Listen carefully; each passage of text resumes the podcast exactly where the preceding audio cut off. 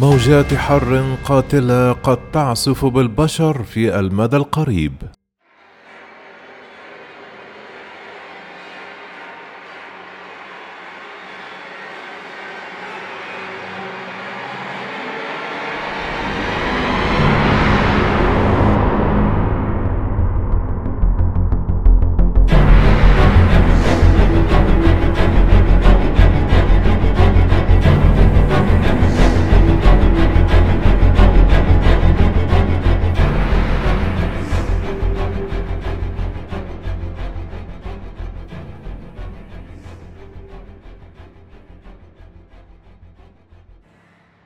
موجات حر قصوى تجتاح مساحات مترامية من دول نامية كبيرة فتتسبب بوفاة الملايين من سكانها الذين لا يملكون وسائل وقاية.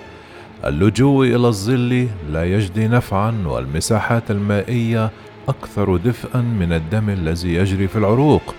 هكذا تبدأ رواية خيال علمي صدرت حديثا لكن الرعب الذي تصفه وتقشعر له الأبدان قد يكون أقرب إلى العلم منه إلى رواية أدبية بالاستناد إلى مسودة تقرير للأمم المتحدة يحذر من نتائج وخيمة قد تصيب مئات ملايين البشر في حال استمرار الاحترار على حاله من دون رادع.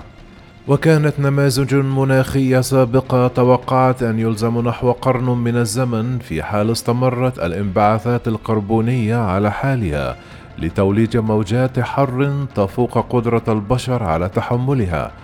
لكن توقعات محدثة تنذر من موجات حر قاتلة في المدى القريب وذلك وفقا لتقرير يقع في أربعة آلاف صفحة ووضعته الهيئة الحكومية الدولية المعنية بتغيير المناخ وطلعت عليه فرانس بريس حصريا قبل نشره في فبراير لعام 2022 ترسم مسودة التقرير صورة قاتمة وقاتلة أحيانا للاحترار المناخي على الأرض.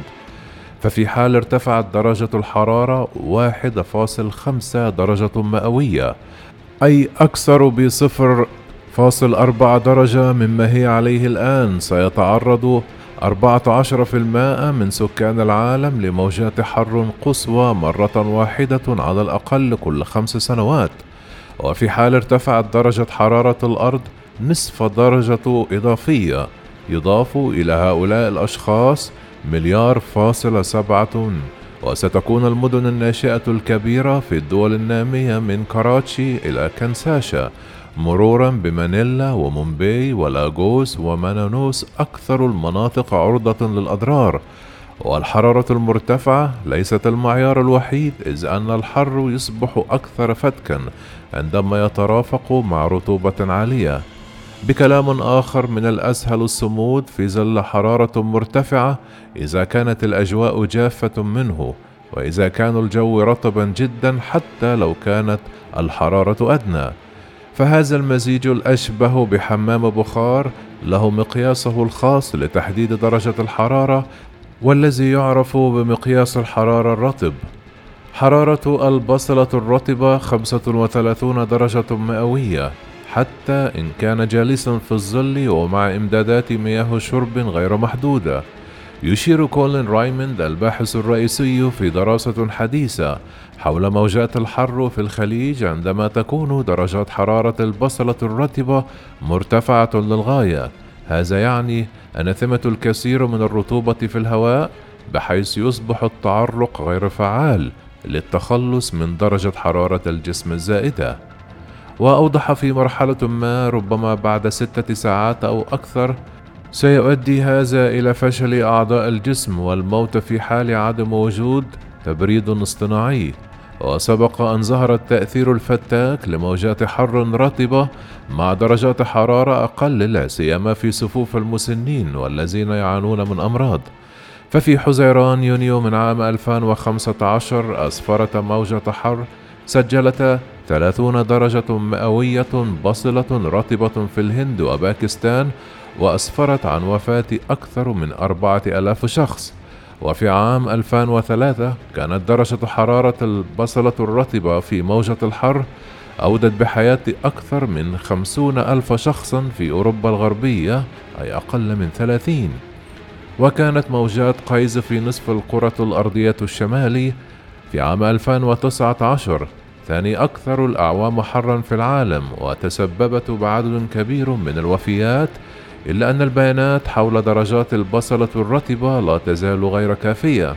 كما أفادت أبحاث صادرة عن Institute for Health أن أكثر من 300 ألف شخص بقليل توفي جراء الحر في العالم لأسباب متنوعة وذلك في عام 2019 فيمكن أن نعزي أن 37% من الوفيات المرتبطة بموجات الحر أي أكثر من 100 ألف بقليل إلى الاحترار المناخي بحسب أنطونيو غاسربريني من كلية لندن للصحة والطب الاستوائي. وثمة تفاوت كبير في هذه الحصيلة. ففي أكثر من عشر دول بينها البرازيل والبيرو وكولومبيا والفلبين والكويت وغوتمالا نسبة الوفيات الناجمة عن الحرارة المرتفعة تسبب بها التغير المناخي كانت ستون بالمائة أو أكثر. ونتج معظم هذه الوفيات عن نوبات قلبية وجفاف بسبب التعرق الشديد وغالبيتها كان بالإمكان تفاديها. كما أفادت دراسة رايموند أن موجات الحر التي تخطت 27 درجة بصلة رطبة تضاعفت منذ عام 1979 وتوقعت دراسة أن تتجاوز حرارة البصلة الرطبة 35 درجة بانتظام في بعض المناطق في العقود المقبلة في حال ارتفعت درجة الحرارة 2.5 درجة مئوية مقارنة بمستواها قبل الثروة الصناعية. كما تسبب النشاط البشري في ارتفاع درجة حرارة الأرض إلى 1.1 درجة حتى الآن.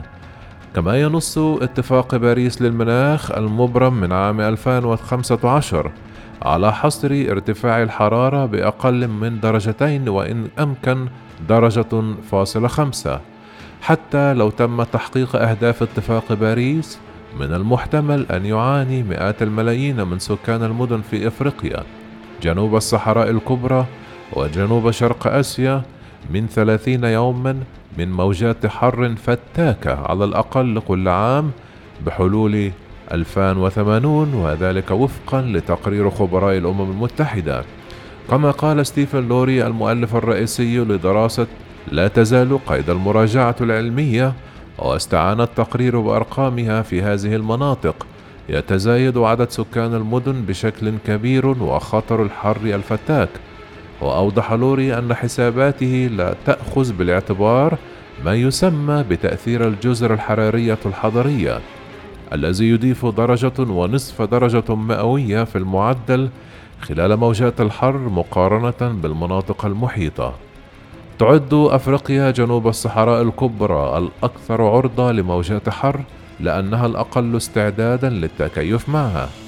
كما صرح لوك هارينغتون الباحث في جامعة معهد إكسفورد للتغير المناخي المراقبة الحقيقية للعالم والنماذج المناخية تظهر أن أفريقيا جنوب الصحراء نقطة ساخنة لنشاط موجات الحر.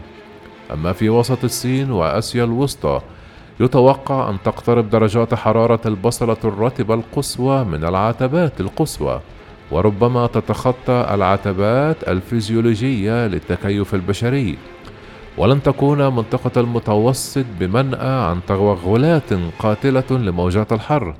كما أشار التقرير إلى أنه في أوروبا سيكون 200 مليون شخص معرضين لخطر كبير جراء الإرهاق الناتج عن الحرارة في منتصف هذا القرن.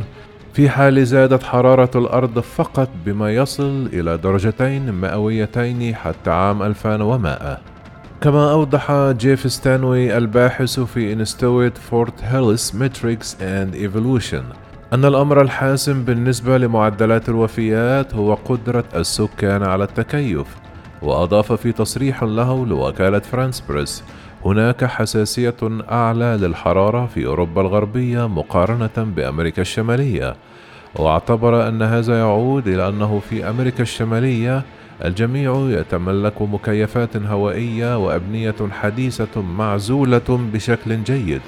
إنه مجرد اختلاف في البنى التحتية. على غرار الكثير من تأثيرات التغير المناخي ثم التفاوت في تحمل عواقب موجات الحر. ففي البلدان النامية لا يتماشى مستوى التنمية الاقتصادية مع كلفة تبريد الأجواء مما يؤدي إلى سباق بين الاحترار والقدرة على التكيف معه.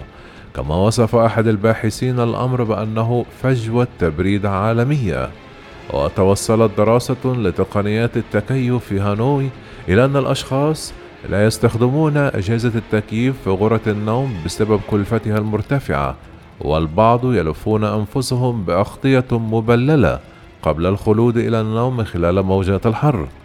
ودرجات الحرارة المرتفعة سوف تنشر الأمراض وتخفض المحاصيل والقيم الغذائية وإنتاجية العمال وتجعل من العمل في الخارج نشاطا يهدد حياة العامل لكن في حال أراد العالم تجنب أسوأ العواقب على الدول أن تحترم التزاماتها في اتفاق باريس وحصر ارتفاع الحرارة بدرجة ونصف الدرجة وذلك بحسب آراء خبراء.